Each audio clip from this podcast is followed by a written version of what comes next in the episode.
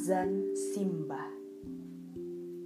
Ditulis oleh Abu Rifai Dibacakan Geril Farah.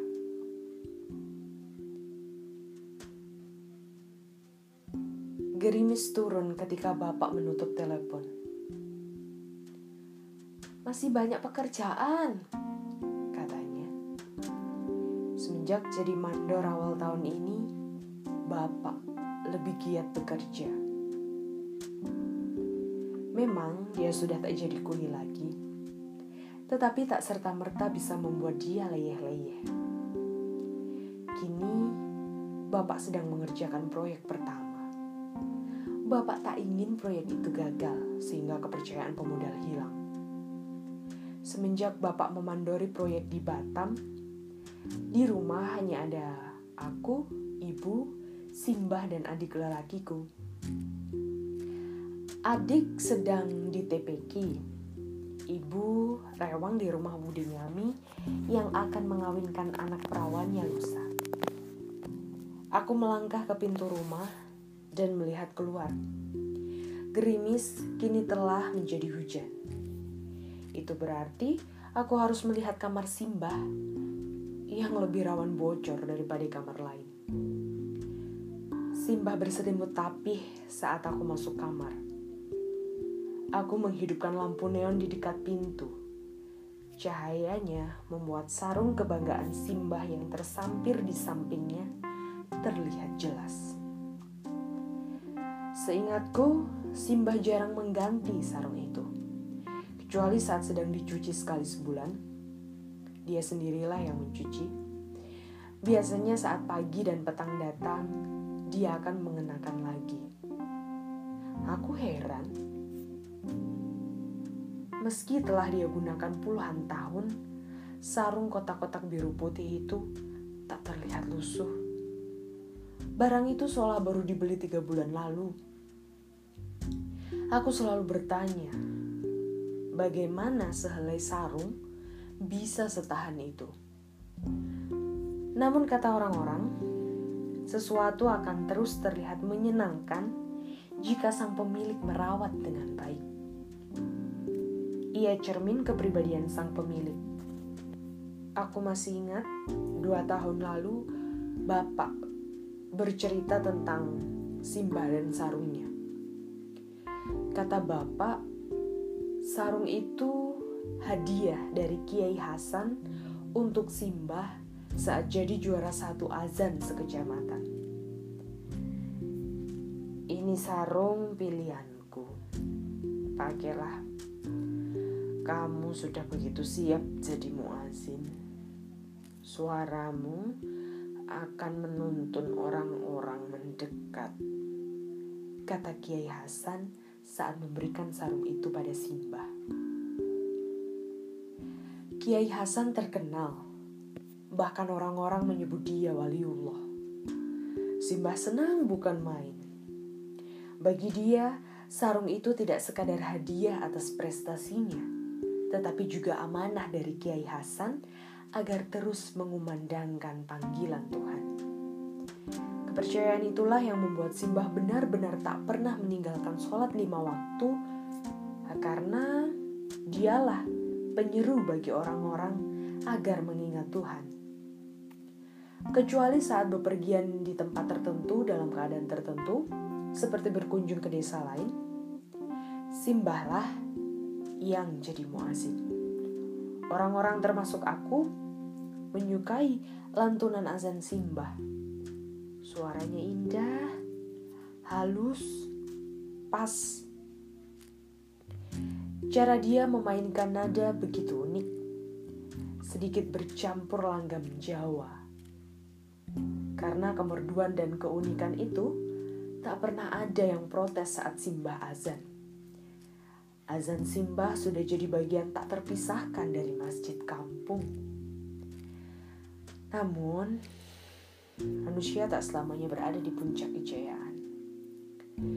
Waktu dan usia perlahan menjauhkan simbah dari pelantang masjid. Aku masih ingat dua tahun lalu, volume suara simbah jadi rendah, tak lagi begitu bertenaga. Pelan-pelan, kejelasan pelafalan pun menurun. Kala itu aku melihat wajah Simbah tak begitu bersinar seperti sebelumnya.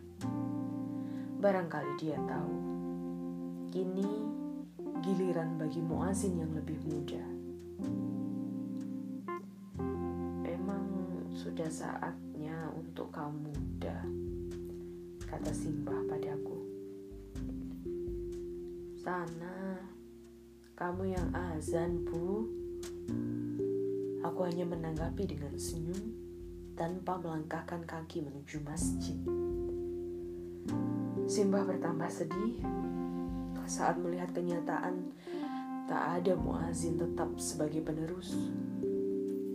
Masjid sepi karena hampir tak ada orang mau berazan. Orang-orang usia paruh baya, remaja, hingga anak kecil tak tertarik mendekati pelantang. Mereka sibuk bekerja dan bermain. Akibatnya, jumlah jemaah pun menyusut. Jika sudah masuk waktu sholat, hanya ada beberapa orang jamaah tanpa azan lebih dulu. Bapak menuruni kelembutan suara Simbah. Dia juga mau mendekati pelantang, Seringkali dia menggantikan Simbah sebagai muazin, terutama saat sarung kebanggaan beliau dicuci. Namun pekerjaan membuat bapak jauh dari kampung. Dia hanya bisa melantunkan azan di masjid kampung saat pulang. Kamu bekerja di sini saja, Laman. Biar ada yang jadi muazin di masjid kampung pinta Simbah saat bapak pulang kampung. Bagiku, itulah buah kegelisahannya. Tidak bisa, Pak. Jika aku di kampung, sia-sialah apa yang sudah kukerjakan. Jawab bapak. Mata Simbah jadi sayu saat mendengarnya. Keadaan masjid kampung tetap seperti itu. Kehilangan muazin yang bisa mengajak orang-orang mendekat ke rumah Tuhan. Azan makin jarang terdengar lewat pengeras suara masjid. Jika ada, yang melantunkan malah para musafir yang singgah untuk sembahyang dan beristirahat sejenak. Hari demi hari, kulihat Simbah makin sedih Raganya makin tua dimakan usia.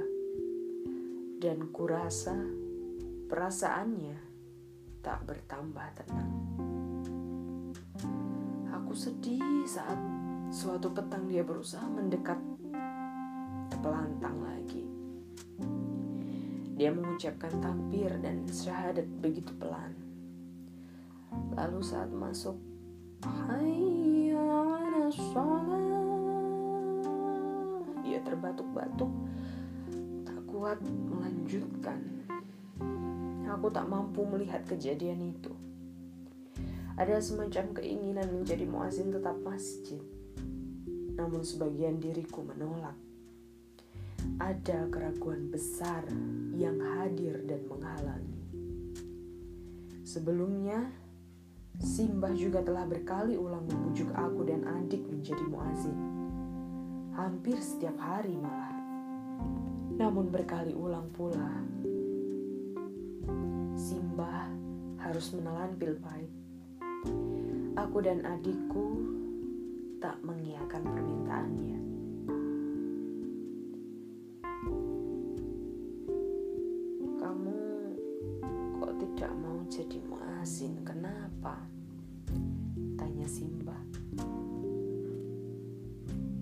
Suaraku jelek, mbah. Tak sebagus Simba atau Bapak. Orang lain pasti punya lah suara lebih baik. Balasku. Itu bukan alasan yang bisa diterima, Bu. Bukankah dianjurkan memilih muazin bersuara indah, Mbah? Aku masih mencari alasan untuk diri Sementara Simbah menghela nafas. Yang terpenting bukan itu, Abu. Sebagai muazin pilihan Nabi, Bilal memang punya suara begitu indah. Namun Nabi tentu tak hanya melihat karena hal itu. Lihatlah pula bagaimana keteguhan Bilal memeluk Islam dan berujung untuk cintanya kepada Allah. Itulah yang seharusnya kamu jadikan keyakinan dalam melantunkan panggilannya ketulusan dan cintamu lah yang seharusnya jadi pemicu untuk mengajak orang lain mendekat. Jika niatmu begitu, Suaramu pasti menyenangkan didengar. Ujar Simbah lirih. Aku tak bisa menjawab lagi. Simbah terus melemah, sementara aku tetap tak mau menjadi muazin dan membiarkan masjid makin sepi. Kini Simbah sudah tak mampu berjalan, kecuali dibantu Suaranya pun begitu lemah, sehingga tak bisa didengar, kecuali kita mendekatkan kuping ke mulutnya. Rasanya aku ingin meminta maaf pada Simba atas ketegaanku tak mengiyakan permintaannya. Selama ini, Simba hanya meminta hal itu padaku. Tak pernah meminta yang lain dia tidak jadi kekanak-kanakan seperti orang-orang lain yang sudah lanjut usia. Mungkin juga Simba seperti itu, tapi mampu menutupi kesedihan. Aku memandangi wajah renta Simba lagi. Kali ini, kesedihan sama sekali tak tampak di sana. Aku keluar kamar, memandang keluar rumah Hujan masih cukup lebat. Sekarang sudah petang, jam dinding menunjukkan pukul 17.40. Astaga, aku belum sholat asar. Ketiadaan azan di masjid membuatku sering lupa waktu sholat. Spontan aku mengambil sarung kebanggaan Simbah yang tersampir di dekat lampu. Aku berwudu dan sholat di kamar sebelah. Sesaat setelah mengucapkan salam, aku mendengar suara azan dari kamar Simba.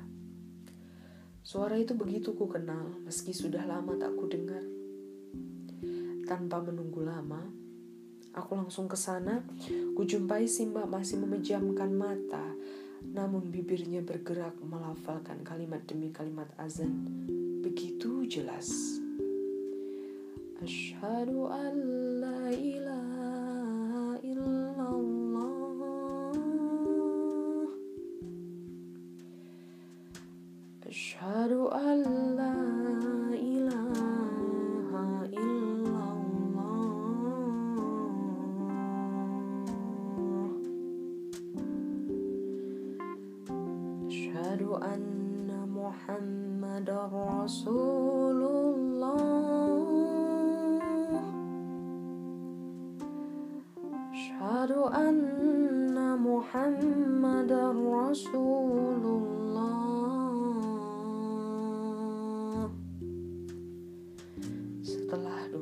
syahadat itu, Simba berhenti. Matanya perlahan terbuka. Dia memandang ke arahku yang memakai sarung kebanggaannya.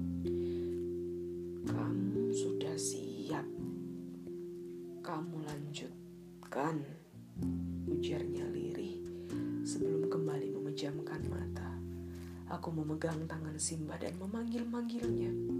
Namun dia hanya diam ada hayya ala sholat keluar darimu